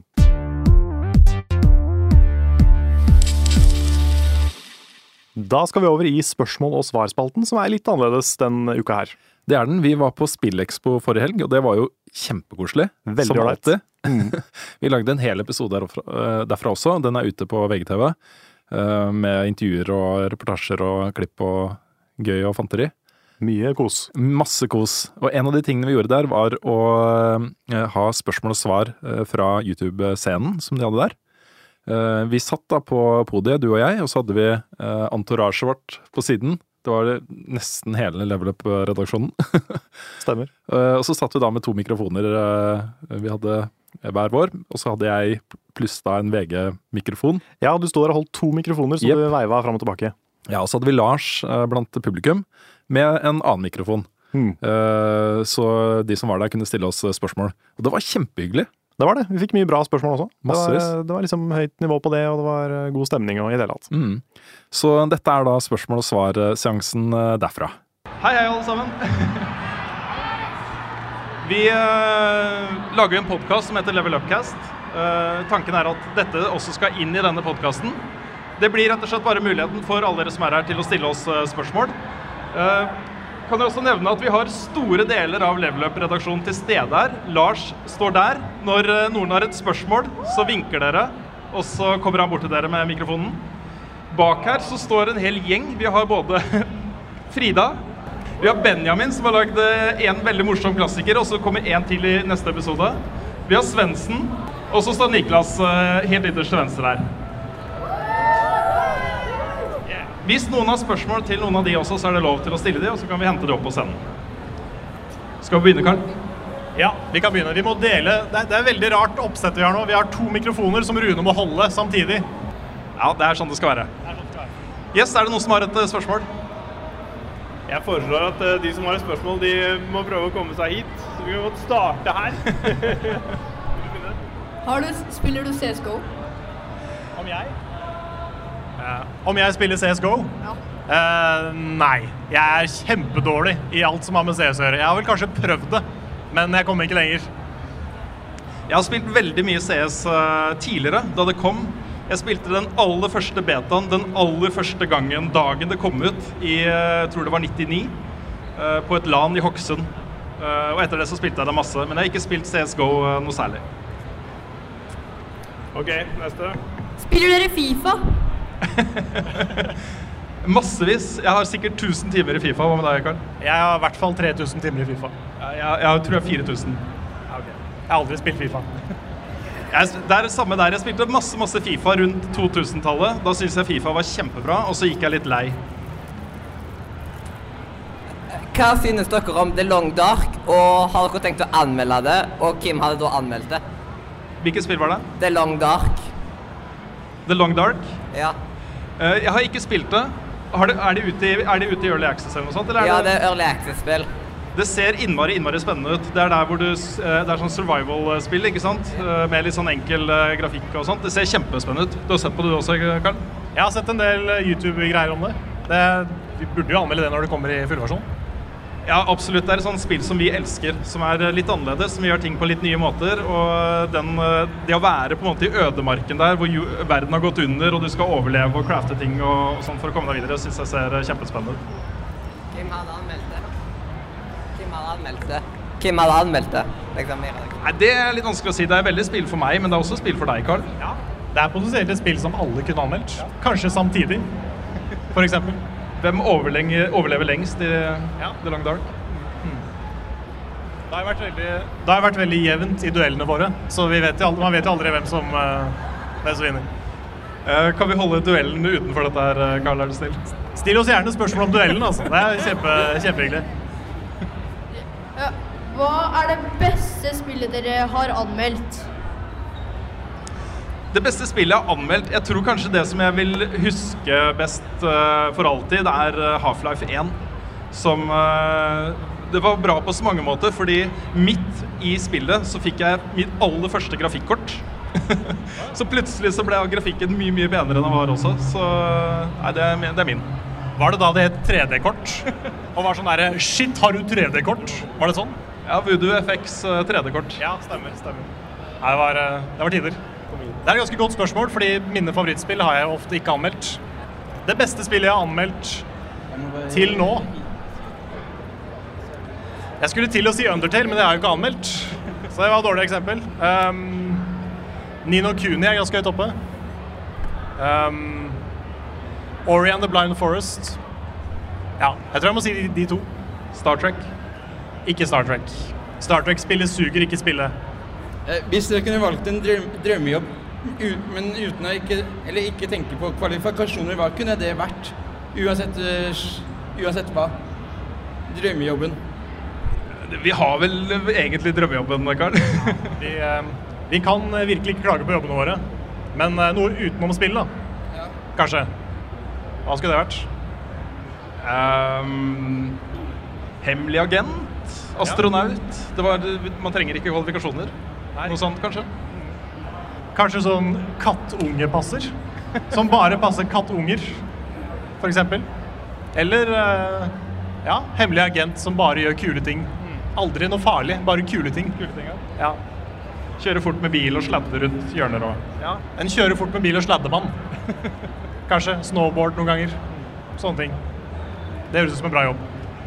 Eh, Dette er bare til Carl, da, men eh, kommer du noen gang til å spille Undertale på YouTube-kanalen din? Om jeg kommer til å spille Undertale på YouTube? Um, jeg har veldig lyst. Det er ikke så lenge siden jeg spilte det utenom YouTube, så jeg har lyst til å vente litt. Så jeg liksom lar inntrykket synke litt. Men ehm, etter hvert så kommer jeg nesten garantert til å spille Undertale. Hvordan ligger du an med standupen, Rune? Ehm, eh, dårlig, men det, liksom, det ville jeg gjort uansett hvor godt forberedt jeg var. Så ville jeg alltid ligge dårlig an med standupen. Jeg har, eh, jeg har visst om dette en stund. Vi spilte inn disse episodene i eh, slutten av august. Ehm, og i starten så var jeg litt sånn lamma av frykt. Eh, men etter hvert så begynte det å komme noen ideer til hva jeg kan snakke om. Så jeg har liksom begynt på et manus. Det begynner å bli noe. Eh, men, eh, men det er det, det, kommer til å bli det skumleste og verste jeg har gjort i hele mitt liv. Det kommer til å bli helt forferdelig, uansett hvor godt forberedt jeg er. Jeg gruer meg så sinnssykt til å gjøre det. Ja, jeg syns jo litt synd på Rune. Jeg må innrømme det, men samtidig så var det din idé. Så jeg var veldig forsiktig. Altså, jeg, det tok mye tid før jeg gikk med på det. Jeg måtte overtale deg om å ha det ja. som straff, rett og slett. Men det er sånn, det er ingenting som skremmer meg mer enn tanken på å stå og ha et ræva standup-show. Ingen ler. Så det er, det er et mareritt. Så det skulle mye til å overtale meg. Men jeg vant, så nå er jeg fornøyd. Nei, det blir, det blir forferdelig. Hvordan begynte dere med YouTube, og hvorfor? Er det pga. Eh, sånn, eh, pengene, berømmelsene eller sånn? Jeg vet, jeg kan jo ikke snakke så mye for meg selv, men jeg vet at for Carls del så var det for pengene og berømmelsen. Ja, bare for pengene. ja, nei da. Det var um, Rett og slett så oppdaga jeg en dag at YouTube fantes. Um, da gikk jeg på videregående. Og tenkte jeg oi, du kan legge ut videoer du har laga. Og da hadde jeg allerede laga masse sånne superdårlige James Bond-filmer med lillesøstera mi. Og sånne ting. Så eh, det var egentlig bare oi, du kan legge ut ting på internett. Så begynte jeg med det. Og så fikk jeg noen kommentarer og sånn, og da var det kjempegøy. Og så bare fortsatte det. Og så er det litt Let's Plays og sånn, det er litt for å, for å prøve å improvisere mer. Fordi jeg er veldig dårlig på å improvisere, føler jeg sjøl. Så det var, det var for å øve meg opp i å snakke uten manus. Det var grunnen til at jeg begynte med Let's Plays. Har dere noen gang spilt eh, League of Legends? Jeg er ikke noen Moba-mann, dessverre. Um, det henger litt igjen fra gamle dager, hvor, uh, hvor jeg alltid var mye mer glad i å skyte ting direkte, uh, og så bare respawne når man dør. Så jeg har aldri helt kommet inn i verken Moba eller rollespill generelt. da. Um, men jeg syns jo det er en del av disse Mobaene som ser veldig spennende ut. Jeg tror kanskje det jeg er mer gira på nå, er uh, sånne spill som Overwatch og, og sånt som tar Moba inn i skytespillsjangeren. Det er mye mer for meg. Ja, jeg er ikke noen sånn stor Moba-mann heller, men Svendsen har jo mye Moba-erfaring. Han er vår Moba-mann. Vi har en Moba-mann. Ja. Um, er det lov til å komme med ideer til hva dere kan anmelde? Absolutt, det får vi hele tiden også. Eh, Vi hører jo på alle tips som kommer. Det hender jo at vi til og med får tips som eh, vi ikke helt får med oss, og som en stund etterpå skjønner vi at dette burde vi ha gjort noe med. Ja, hva var spørsmålet? Jeg hørte det ikke helt. Om det er lov å komme med tips til, eller forslag til hva vi skal anmelde? Ja, ja, ja, definitivt. Det er jo mange mange, Det er i hvert fall noen, noen spill, spesielt sånne litt sånn små, obskure spill, som ikke vi helt får med oss bestandig. Og Da er det bra hvis folk roper ut og, og ber oss om å ta en titt på det. Har du et uh, sånt tips? Um, jeg tenkte verdens største hestespill, Star Stable. Star Citizen skal vi garantert uh, se mye Altså på når Star det kommer. Stable. Hva for noe? Star Stable. Verdens største hestespill. Online hestespill. Ah. Star Stable, verdens største hestespill. Det hadde vært et uh, gøy spill å anmelde. Det kunne, det kunne blitt et veldig morsomt innslag. Det, det kunne det. Det er litt sånn, eh, det er jo ikke til å skyve under en stol at eh, redaksjonen vår er litt sånn homogen. Det er mange unge menn eh, som har liksom en spesiell spillsmak. Så det er noen typer spill som kanskje faller litt utenfor. Vi prøver å hente inn folk da som har eh, andre sjangerinteresser enn vi selv har, sånn at vi kan dekke et litt bredere spekter. Og det hadde vært veldig gøy å anmelde det spillet. Um, uh, jeg sendte dere en mail um, hvor det sto at det er et flaskemerke som jeg tror har kopiert logoen deres. Ja, jeg så, jeg så den mailen. Eh, det som er tingen med den logoen vår, er at den er ikke Det er ikke verdens mest unike logo. Hvis du søker på uh, level up og arrows og sånne ting på Google Images, så vil du finne en god del ting som ligner litt. Eh, det er vel ikke så mange i Norge som har brukt den, men eh, jeg tror den fins litt rundt omkring, så vi tar ikke det så veldig seriøst. Nei, det er jo en, eh, det er jo en pil som er forma av to piler som går ned. Så det er jo, det er jo andre, andre steder man finner den. Jeg så også det var en, en energidrikk basert på et band, tror jeg, som så litt ut som deg og meg på coveret. Det var et energidrikk som hadde hyra inn et band til å gjøre en promogreie for dem, så det var en musikkvideo. Det var sånn det var. Men det så litt ut som oss. Jeg tror det er mer sånn eh, vær så snill eh, hvis noen har tatt varemerke på en logo som ligner på vår, ikke saksøk oss, er det ikke litt nærmere? Det er litt sånn, og det, er jo, det passer bra at vi også heter Level Up, som ingen andre heter i hele verden. Eh, Rune, hva hadde du gjort hvis eh, Half-Life 3 kom ut akkurat nå? Da eh, Ja, vi måtte jo spilt inn episoden. Jeg er såpass eh, Såpass eh, Hva skal man si? Engasjert er jeg i jobben min. Du hadde vært her i ti, ti, i ti minutter, liksom. Også noen må jo passe på at Carl finner fram på Spillekspo, uh, og ikke går seg bort og sånn. Så jeg hadde, jeg hadde jobba ferdig, men eh, det hadde blitt rett på Half-Life 3 med en gang jeg kunne. Ja, jeg fant så vidt den scenen her. Det var ett minutt før, så var jeg på plass. Eh, jeg har ikke noe spørsmål. Jeg har bare laga den til dere. Hei, den var kjempefin. Ja, flott. Den må vi få på scenen med en gang. Ja, det vil vi få med. Ja, tusen takk. Tusen, tusen takk. Kjempefin. Det er da en perla level up-logo. Nå har vi logo. Nå har vi logo, så nå vet dere hvem vi er. Jeg må bare si én ting. Den siden dere har satt uh, fram til oss nå, det er baksiden. Det er baksiden. Yeah! Der, ja. ja. Det ble kjempebra. Tusen takk. Det er veldig veldig hyggelig når folk lager ting til oss, Karl. Vi har en del ting på kontoret også som folk har lagd til oss, og det er kjempegøy å komme til posten på VG. Eh, så er det en pakke eller en stor konvolutt, og så åpner den opp, og så er det noen som har lagd noe til oss. Det er så utrolig hyggelig. Det er kjempehyggelig. Det er de beste pakkene. Spiller du The Forest?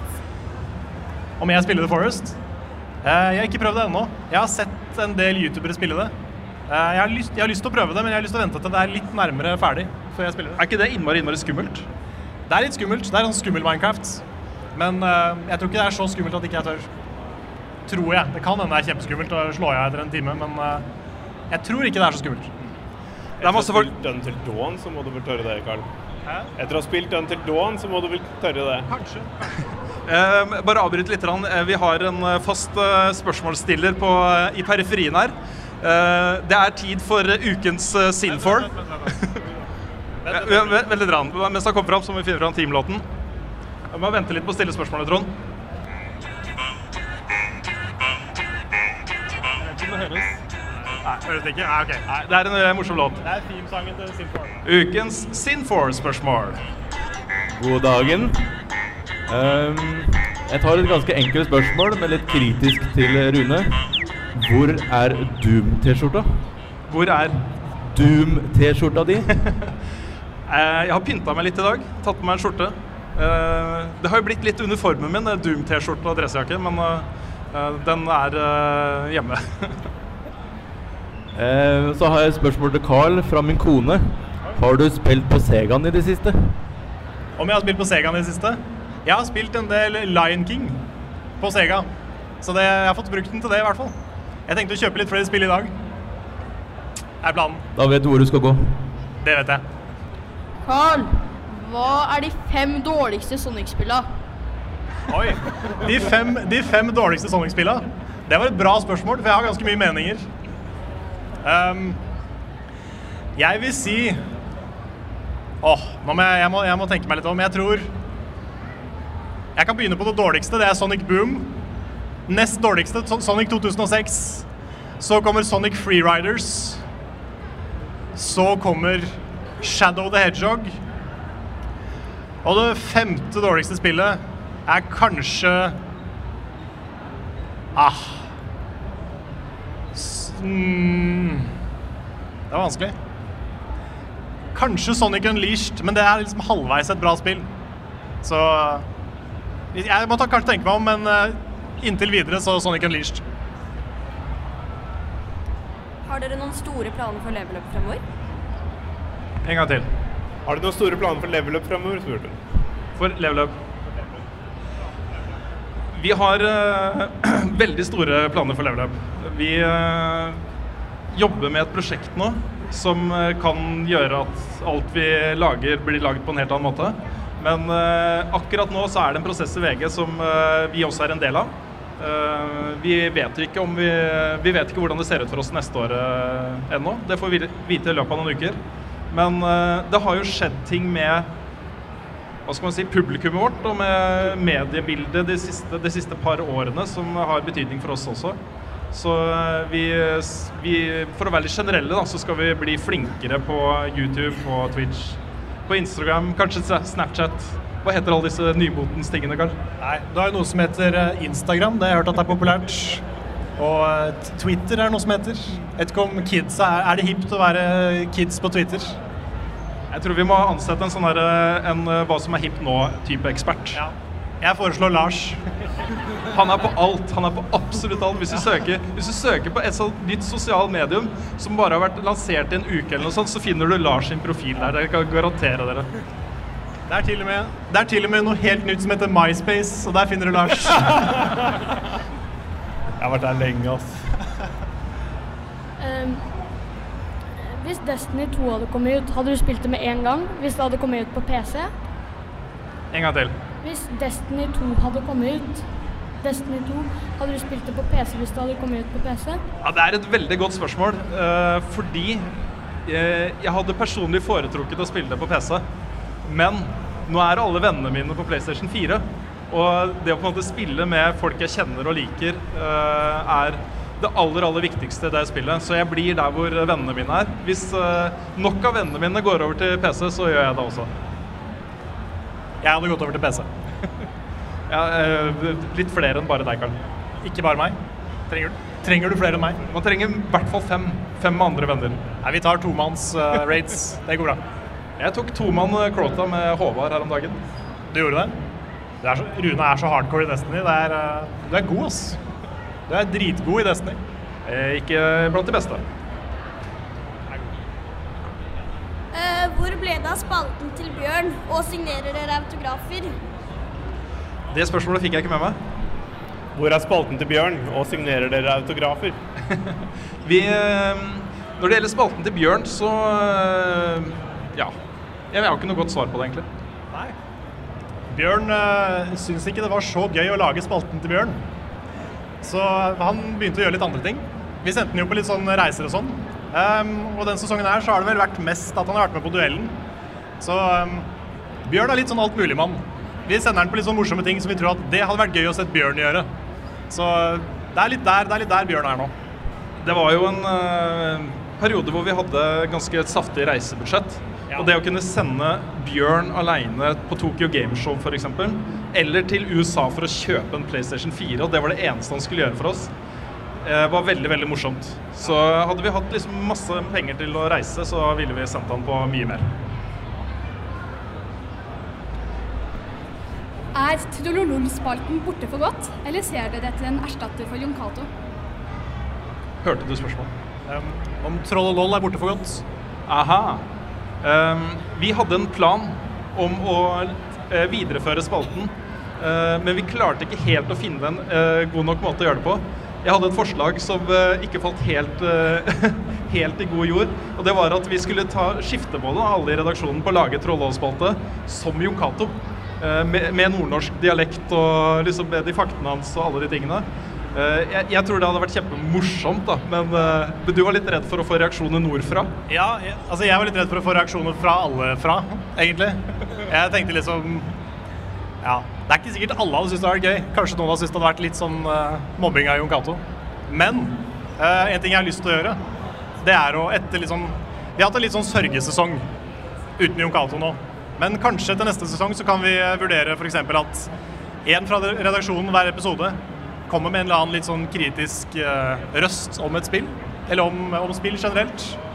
Og uh, får liksom hver sin, uh, hver sin vri på det. da. At de, de lager Trollhold på sin måte. Jeg synes det hadde vært gøy å sett f.eks. Nick lage en Trollhold.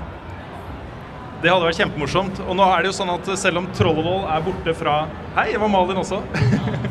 selv om Trollvoll er borte fra selve programmet, så snakker vi jo masse om de samme type problemstillingene og tingene i Level Upcast.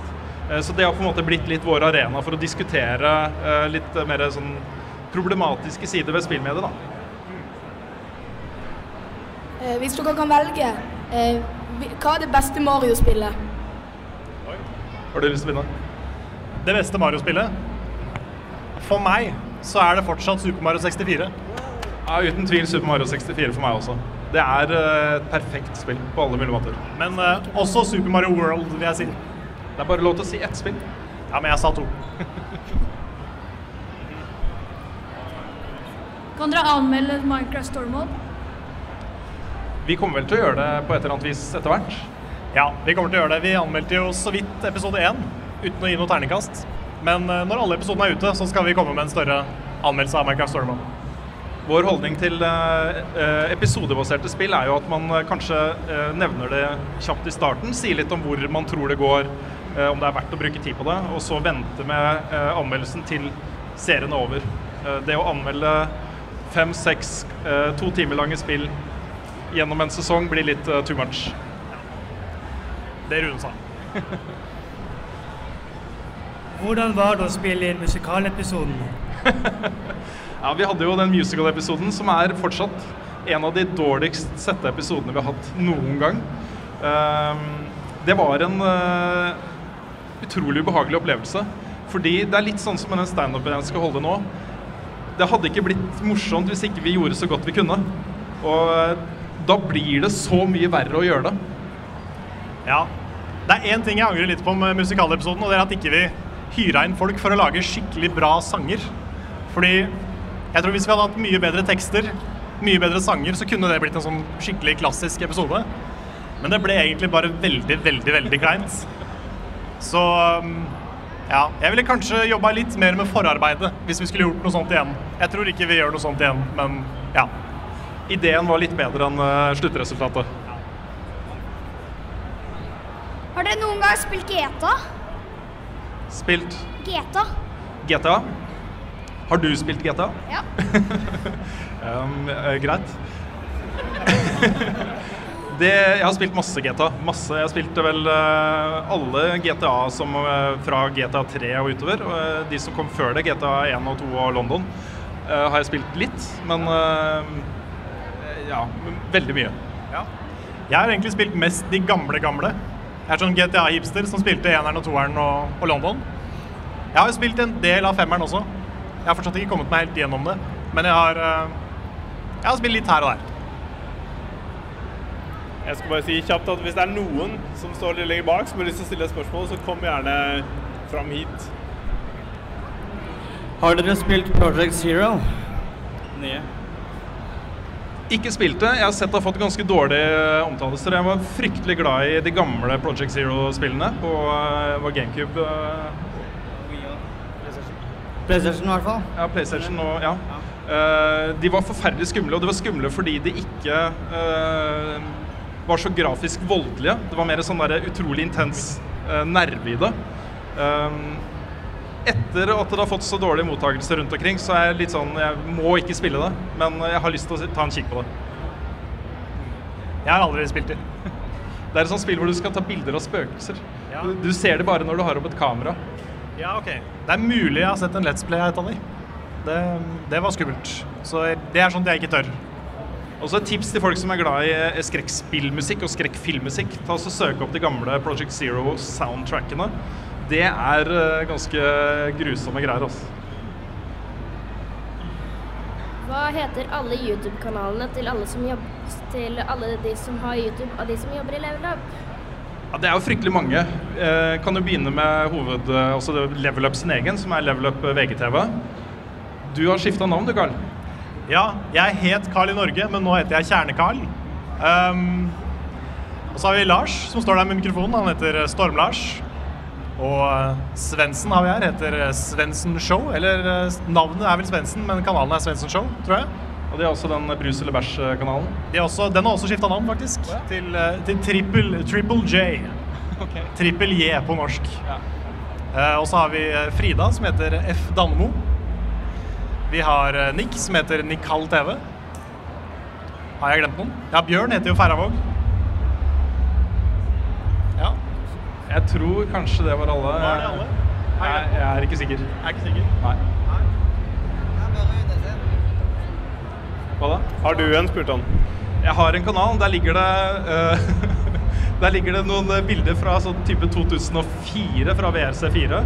Eh, og så ligger det en video hvor eh, en karakter som ligner veldig på meg, eh, gjør eh, indecent greier i The Secret World. Det er en video på Rune sin kanal som ikke er for barn. I det hele tatt.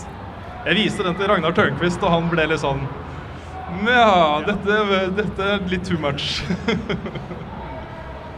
jeg, har, jeg har ikke brukt den ordentlig ennå. Eh, Hvem er favoritt-youtuberne deres? Jeg hører ikke, for den går andre veien den lyde... Favoritt-youtuber? Ja. Min er jo selvfølgelig eh, Kjerne-Karl. Åh. Min er um, Nå burde jeg jo sagt Rune, men du har jo ikke så mye på YouTube.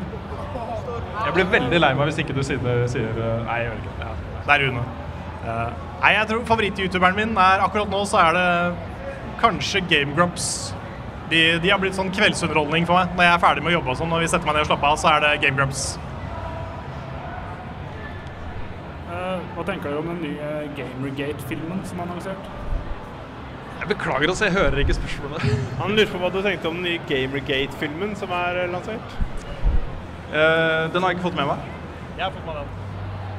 Det er en, det er en film om Gamergate basert på en sånn memoar av Zoe Quinn. Hvor Scarlett Johansson kanskje skal spille Zoe Quinn. Det er interessant. Jeg eh, Gamergate er ikke noe jeg liker å prate om. Det er ikke noe jeg liksom liker å bli minnet på. Det er et sånn mørkt kapittel i, eh, i spillkulturhistorien. Men uh, det virker jo som den kommer fra, alt på si, i hvert fall riktig sted. Så kanskje den blir bra. Jeg håper den blir bra. Jeg håper ikke den blusser opp masse mer hat og dritt til folk. Jeg håper at eh, Jeg syns vi kan være venner. Jeg håper vi fortsetter å være venner. Hva er det verste Pokémon-spillet dere har spilt? Jeg har ikke spilt noe Pokémon-spill, så eh, den er til deg. Mitt favoritt-Pokémon-spill er Pokémon Gold og Silver. Kanskje Heart Gold og Soul Silver etter at de kom. Remakene. De er eh, mine favoritter. Jeg har to spørsmål. Og Sarpsborg fyller 1000 år neste år. Og er, jeg er i hvert fall en spillinteressert som bor i Sarpsborg. Og kunne dere vise og dra rundt i Sarpsborg og spørre folk som bor der som er spillinteresserte? Eller komme ut til folk som er spillinteresserte? Ja, lage sending. Er det Sarpsborg som fyller 1000 år? Ja. Um, jeg er født i Sars Sarpsborg. Er du det? Ja, født i, på sykehuset i Sarpsborg. Represent. Represent. Um, jeg, tror, jeg tror ikke vi vi, vi, kan no, vi kan notere oss det som et godt forslag, og så kan vi vurdere det. Uh, skal vi si det sånn? Ja. Vi, vi har det på lista, kan vi si. Og eh, hvilke to spill gleder dere dere mest til? To spill vi gleder oss mest til. Um, det er fortsatt uh, The Last Guardian for min del. Ja. Uh, og så har jeg blitt nå utrolig nysgjerrig på Overwatch, så uh, kanskje de to. Ja, for meg tror jeg det er Persona 5 og Kingdom Hearts 3.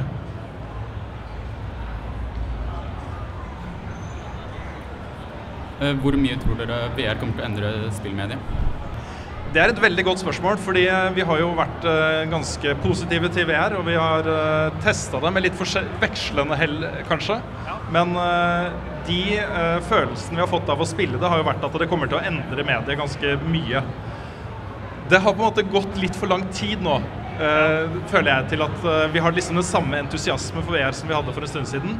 Men vi ser jo at sånne ting som eh, Steam, eh, Steam sin VR-headset og PlayStation VR som nå begynner å få til VR på en veldig bra måte, uten at folk blir sjuke, eh, det blir en kjempeinnlevelse, så tror jeg det kommer til å bli ganske stort. Og uansett da, den der, eh, muligheten til å leve seg inn i virtuelle verdener, hvis du tar det som et konsept, eller som en samfunnsting, så kommer det til å bli superviktig. Om det er via headset eller via plugger i nakken eh, rett på nervesystemet eller hva som helst. Men virtuelle verdener i seg selv er på en måte en retning som hele verden tar, som er veldig spennende. Ja. jeg er ganske, ganske enig i det. Det er jo uten tvil en framtid der. Eh, Det jeg er nysgjerrig på, er hvor lang tid det kommer til å ta nå den framtida. For eh, det er jo en sånn oppstartfase nå, det har jo vært det i mange år, hvor eh, det har liksom ikke, det har ikke kommet ut noe. Vi har fått masse løfter og masse spennende nye ting som skal komme. Men ja, det er jo Det kommer nok til å være et sånn luksus-item ganske lenge, tror jeg. At det er ikke noe som alle kommer til å ha med en gang. Jeg tror det kommer til å gå litt fortere også. Når du ser Google Cardboard f.eks., som jo man kan printe ut og brette. Malin hos oss gjør jo det eh, selv. Eh, vi bare dytte den her inn i en sånn greie, mobiltelefonen. Eh, Det kommer til å skje ganske fort, og det kommer til å være tilgjengelig for folk ganske fort, tror jeg. Men hvor fort folk gidder å kjøpe det, det blir et helt annet spørsmål. Ja, ja for jeg, jeg mistenker at det kommer til å ta litt tid. At, at folk er interessert, men jeg vet ikke om de er interessert nok til å kjøpe det med en gang. At de kanskje venter litt til det, det kommer ting som virkelig funker. da. For det, det er jo en eh, læringskurve, alt med VR. Så det er mye vi fortsatt ikke kan og ikke, ikke vet, da. Kommer det mer kosekveld, Karl? Vet du hva? Jeg har kjempelyst til å lage mer kosekveld med Bjørn. Um, litt avhengig av hvordan um, neste år blir med level up, hvor mye tid jeg har til YouTube og sånne ting. Så ehm, hvis jeg har mer fritid til neste år enn jeg har nå, så blir det mer kosekveld. Ja, eh, hvilket Wii U-kompatibelt Nintendo 64-spill syns dere jeg vil starte med? Hvilket vi koste oss med? Nei, hva var det du sa? Eh, Hvilket Wii U-kompatibelt Nintendo 64-spill syns dere jeg vil starte med? Er det Super Mario, Donkey Kong eller Jeg har ikke spilt så mye eh, Wii U-kompatible Nintendo 64-spill. Har du? Jeg, har- jeg har spilt en del av de. Um, hvilket vi har kost oss mest med. Jeg tror akkurat nå så er det Donkey Kong 64. Det, det jeg kost meg veldig med på Wii U. Han lurte også på hvem han burde starte med. Hvilket Hvem man burde starte starte med, ja. Starte med. Ok, du skal tilbake til Nintendo. Du har ikke spilt Nintendo 64-spill, og hva skal du starte med? Greit, det blir et litt annet spørsmål. Ja. De største spillene der er jo eh, Super Mario 64, Selda Zelda Ocarina of Time. eh, Ja. Det er ikke så mange Det er ikke så mange, mange Nintendo 64-spill på Wii U ennå, men det er jo de to. Donkey, jeg vil si Donkey Kong 64 er en essential. Jeg tror hvis du spiller de tre Har Pokémon Snap kommet ennå? Det tror jeg ikke. Nei, jeg tror ikke det. Det kom på Wii, men ikke på Wii U. Du kan jo gå inn på Wii-delen av Wii U og kjøpe Pokémon Snap der. Det er litt tungvint, men det går. Paper Mario også kan du gjøre det med. Så det er, uh, hvis du går inn på Wii-delen, så er det ganske mye mer der. Et eh, spørsmål til Rune angående Destiny. Eh, hvis du hadde vært game director for, i Bungie for eh, Destiny, hva ville du innført i Destiny som du har sett i andre skytespill? Eh, Jeg ville jobba eh, mer med Crucible, med PVP-delen. Eh, privat matchmaking, eh, private servere, mulighet til å lage dine egne regler for, eh, for Crucible-matcher. Jobba mye mer med den biten. Det, det er den store mangelen i Destiny akkurat nå. Kan jeg si noe? Jeg ville skrive en historie. Den har blitt ganske bra, da. Den er ikke bra. Nei, den er ikke bra, men den er bedre. Ja, den er bedre enn ingenting. Som var som den var. Det er faktisk veldig morsomt, fordi den beste historien i Destiny akkurat nå er det som heter eh, Book of Sorrows. Som er de calcified fragmentene du finner på Dreadnought. Som danner en bok uh, om historien bak Oryx og eh, Crota og hele den biten der, liksom. Det er dritkult. Det hadde vært en kjempekul animasjonsfilm eller 3D-film. altså. Det er sånn, Du kan gå inn på bungee.net og lese en god historie. Det kan du gjøre. Carl, kan du lage en uh, ny sesong med roomies? En ny sesong med Roomies. Problemet med Roomies er at jeg har lyst til å lage mer, men jeg tror ikke noen andre har det. Så um, det spørs. Det blir nok ikke mer. Jeg tror Bjørn er litt lei av å lage sånne veldig, eh, veldig manus, uh, storproduksjonstype ting. Så han tror jeg ikke er med. Uh, Ole har slutta med YouTube. Så det blir nok dessverre ikke mer Roomies. Jeg har lyst til å lage mer, jeg har masse ideer til det, men jeg tror ikke det blir mer. Dessverre. Det har jo eh, skjedd i TV-historien at de har bytta ut skuespillere med andre skuespillere. Kanskje roomies med Lars og Rune. Ja, kanskje. Det er liksom roomies med bare meg og nye. Det, jeg veit ikke, ass. Jeg tror kanskje heller lager noe nytt. Jeg kan hjelpe deg. Vil du spille Ole? Gjerne. Ja, da, da ordner vi det. Hvis dere kunne laget hva dere vil av spill med ubegrensede midler, hva ville dere laget? Eh, Sjanger eller eh, Nei, hva dere vil med ubegrensede midler. Hvis vi kunne lage hva vi ville av spill? Jeg er veldig glad i, eh, i sånn utforskingsspill uh, som er litt sånn puzzle- og uh, gåtebasert. Hvor man er på fantastiske steder og skal eh, løse liksom, oppgaver uten nødvendigvis å slåss. Så jeg ville ha eh, lagd noe i den gata, kanskje VR. Jeg lagde en del eh, ting i RPG Maker for mange år siden. Sånne type japanske rollespill, eh, 2D, top down-greier. Um, og etter å ha spilt Undertale, så er jeg helt forelska i den sjangeren igjen. Så jeg tror jeg ville laga et litt sånn rart Prøvd å lage noe unikt i den sjangeren med RPG Maker. Brukt masse tid på det. Med en, eh, med en litt sånn eh, rar personlig historie og diverse sånne ting. Det ville jeg gjort. Et storybasert eh, RPG. Eh, hva syns dere om Life is Strange? Jeg har jo blitt skikkelig forelska i det spillet kun fra å høre deg og Lars prate om det. Så dette er et spill som jeg gleder meg veldig til å spille. Jeg, eh, Lars og jeg har prata mye om det, og vi har spilt gjennom alt nå. Og jeg tror vi er ganske enige i at det er et av de beste spillene som har kommet i år. Det er kjempe, kjempe, kjempebra. Det er veldig høyt oppe på topplista mi i år. Det er et spill man bør spille hvis du ikke har gjort det. Jeg har et spørsmål til Carl. Eh, Hva syns du om Undertale? Hva jeg syns om Undertale? Game of the year.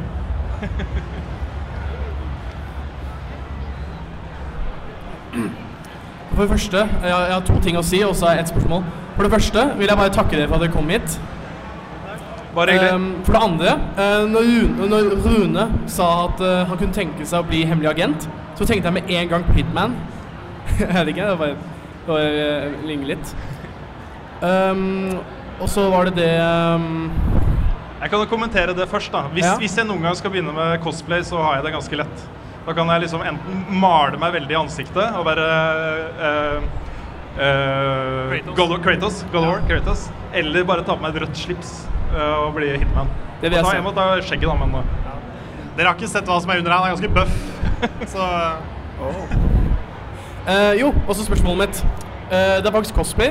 Eh, hvis dere kunne bare liksom fått et cosplay-kostyme, eh, uansett hva, hva ville det vært?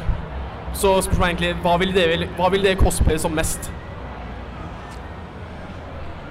Jeg, jeg, jeg har virkelig ikke peiling, men uh, har, eh, Sony slapp akkurat en sånn uh, trailer om hvor kult det er å være en PlayStation-gamer. Og i, st I starten her så har du en Hunter og en Titan og en Warlock som driver og danser og herjer og står i.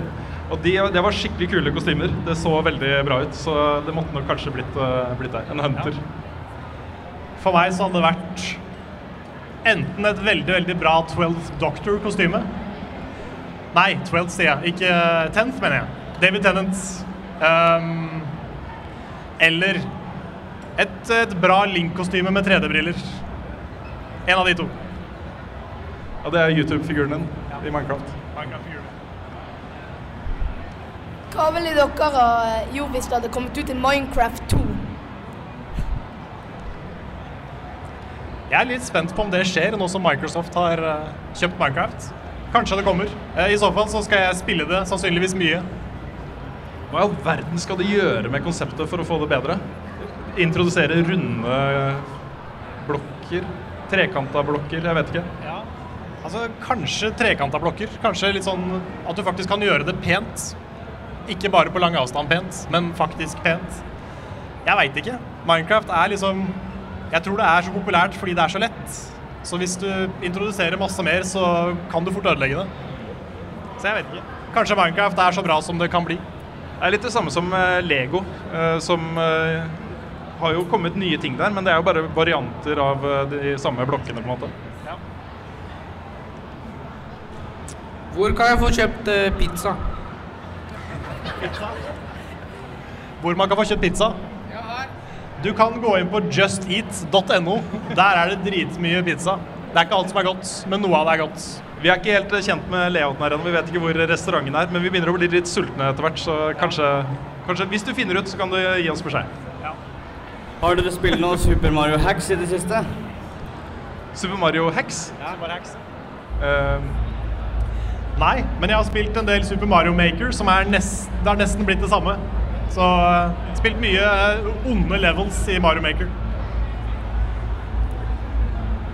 Eh, Carl, har du tenkt å fortsette med Super Mario Sunshine og Pokémon Fire Red?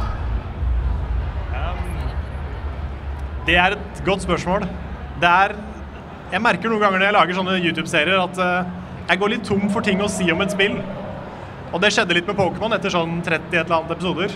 Så var det sånn, Da var det enda flere kamper og det var enda mer greier. Så det var sånn Til slutt så hadde jeg ikke noe mer å si om Pokémon. Og samme med Mario Sunshine. Etter å ha spilt Mario 64, så var det sånn Ja, dette er Mario 64. Nå har du en flødd, og du er på en strand. Det er gøy. Og så var det, jeg gikk liksom litt, jeg gikk litt tom, da. Så hvis jeg finner på noe mer å si, noe mer liksom som jeg føler jeg kan si om Mario og Pokémon, Så eh, kanskje, kanskje jeg går tilbake til det. Eh, har dere noe dere vil kalt en underrated gem i deres favorittsjanger? Underrated eh, gem, liksom? Men noe som Ja. Um, ja, har du lyst til å begynne? Jeg kan begynne. Jeg kan si Shadow Hearts-serien i uh, sjangeren JRPG. De er laga av Sacknoth, heter de. Har du hørt om de? Det er ingen som har hørt om de. Men uh, de bytta navn til Nautilus. Um, Shadow Hearts-serien er veldig, veldig bra. Den er, den er en bra historie, veldig kult gameplay. eh, god stemning. Den kommer i klassikeren en dag. Den, er, eh, den serien er veldig bra. Jeg kommer ikke på noe i farta, dessverre. Hvis jeg kommer på det etterpå, så skal jeg komme tilbake til det. Tyst. Hva er deres tre favorittspill, og hva skjedde med Sonic Adventure, Carl? Um, skal du begynne med den, kanskje? Ja. Jeg blir grilla på YouTube-serier jeg ikke har gjort ferdig her i dag, skjønner jeg. Men eh, Sonic Adventure er det større sjanse for at jeg går tilbake til. For uh, den, uh, den føler jeg er litt uferdig. Tre favorittspill. Final Fantasy 9, Earthbound og Undertale. Um, Destiny, Uh, Destiny The Taken King og Destiny House of Wolves. Nei da. jeg må nok si Half-Life, Metal Gear Solid, Shadow of the Colossus. Hei, Karl. Du nevnte Persona 5 i stad. Har du noen forventninger til noe du håper de tar med fra gamle spill, eller holder fra Persona 4? Uh, Om jeg har noen forventninger til ting de vil ha med i eh, Persona 5? Ja. Ja, jeg håper at Det er teit å si det, men jeg håper egentlig de beholder veldig mye av det de hadde i fireren. Det, jeg syns fireren var det beste spillet. Eh, Jeg syns hovedpersonene, måten du blir kjent med dem på, eh, social link-systemet, alt det der, var kjempebra. Så ja, det er bra. Det er eh, Jeg håper egentlig de forandrer ganske lite, men likevel gjør det liksom fresh. da. At de kanskje har litt mer spennende battlesystem. At de utvikler det litt. Men alt det sosiale og alt det på skolen og det der var kjempe, kjempebra. Ja, øh, har du spilt Rune, har du spilt uh, Cloud Tart? Eh, hva var spørsmålet? Om du har spilt Cloud Tart? Cloud Heart, mitt Å ja, eh, nei, jeg har ikke spilt det. Men eh, det er en eh, det, det står jo på programmet, liksom. Det har jeg så lyst til å gjøre. Bare det? spille det, og så gjøre en Let's Play av det, f.eks. Og være nådeløs. Helt nådeløs. Det, altså, det tror jeg blir verre for meg enn standup blir for deg. For det, det er et spill som jeg lagde da jeg var 17 år. Og da jeg var 17 år, så var jeg ganske emo. Ganske sånn Jeg følte at jeg hadde en dyp historie. er veldig pinlig å spille det nå. Det er ting der jeg fortsatt er fornøyd med, men uh, manuset og liksom historien er Det er mye der som jeg syns er litt pinlig. Så jeg gleder meg ikke til å få en nådeløs kritikk fra Rune. Nei, Vi får eh, la det også være siste, siste ordet, fordi vi fikk beskjed om at eh, tiden vår straks er ute. Jeg kan i hvert fall legge til da, at jeg er glad jeg aldri skal være 17 år gammel igjen. Det, det er jeg ganske glad for. Jeg er også veldig glad for at jeg ikke hadde Facebook når jeg var 17. Ja, Vi slapp litt heldig unna den, Karl. Yes, tusen eh, hjertelig takk for alle bra spørsmål og for at dere kom for å høre på oss. Så ja.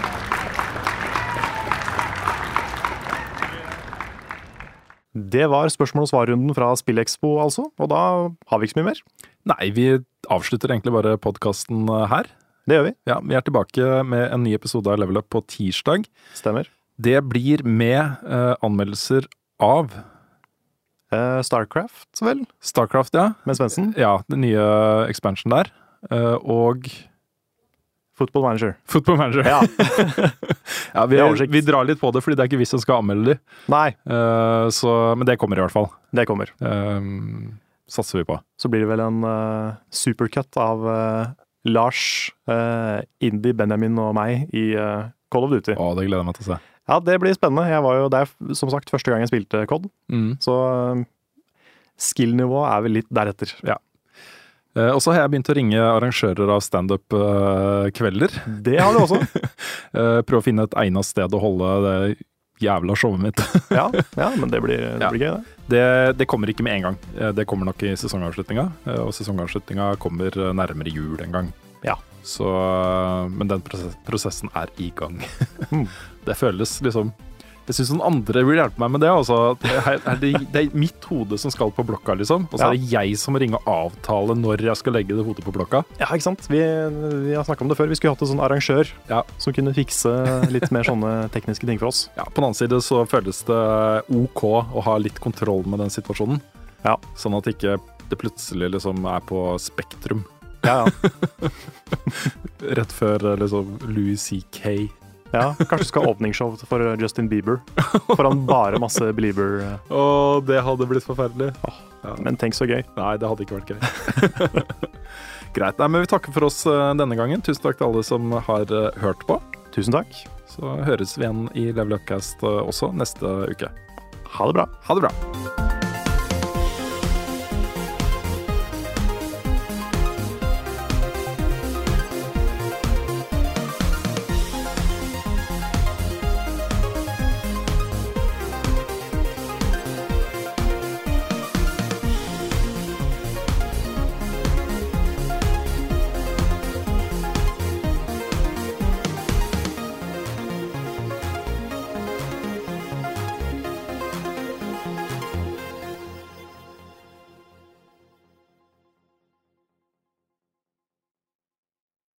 Har du et enkeltpersonforetak eller en liten bedrift?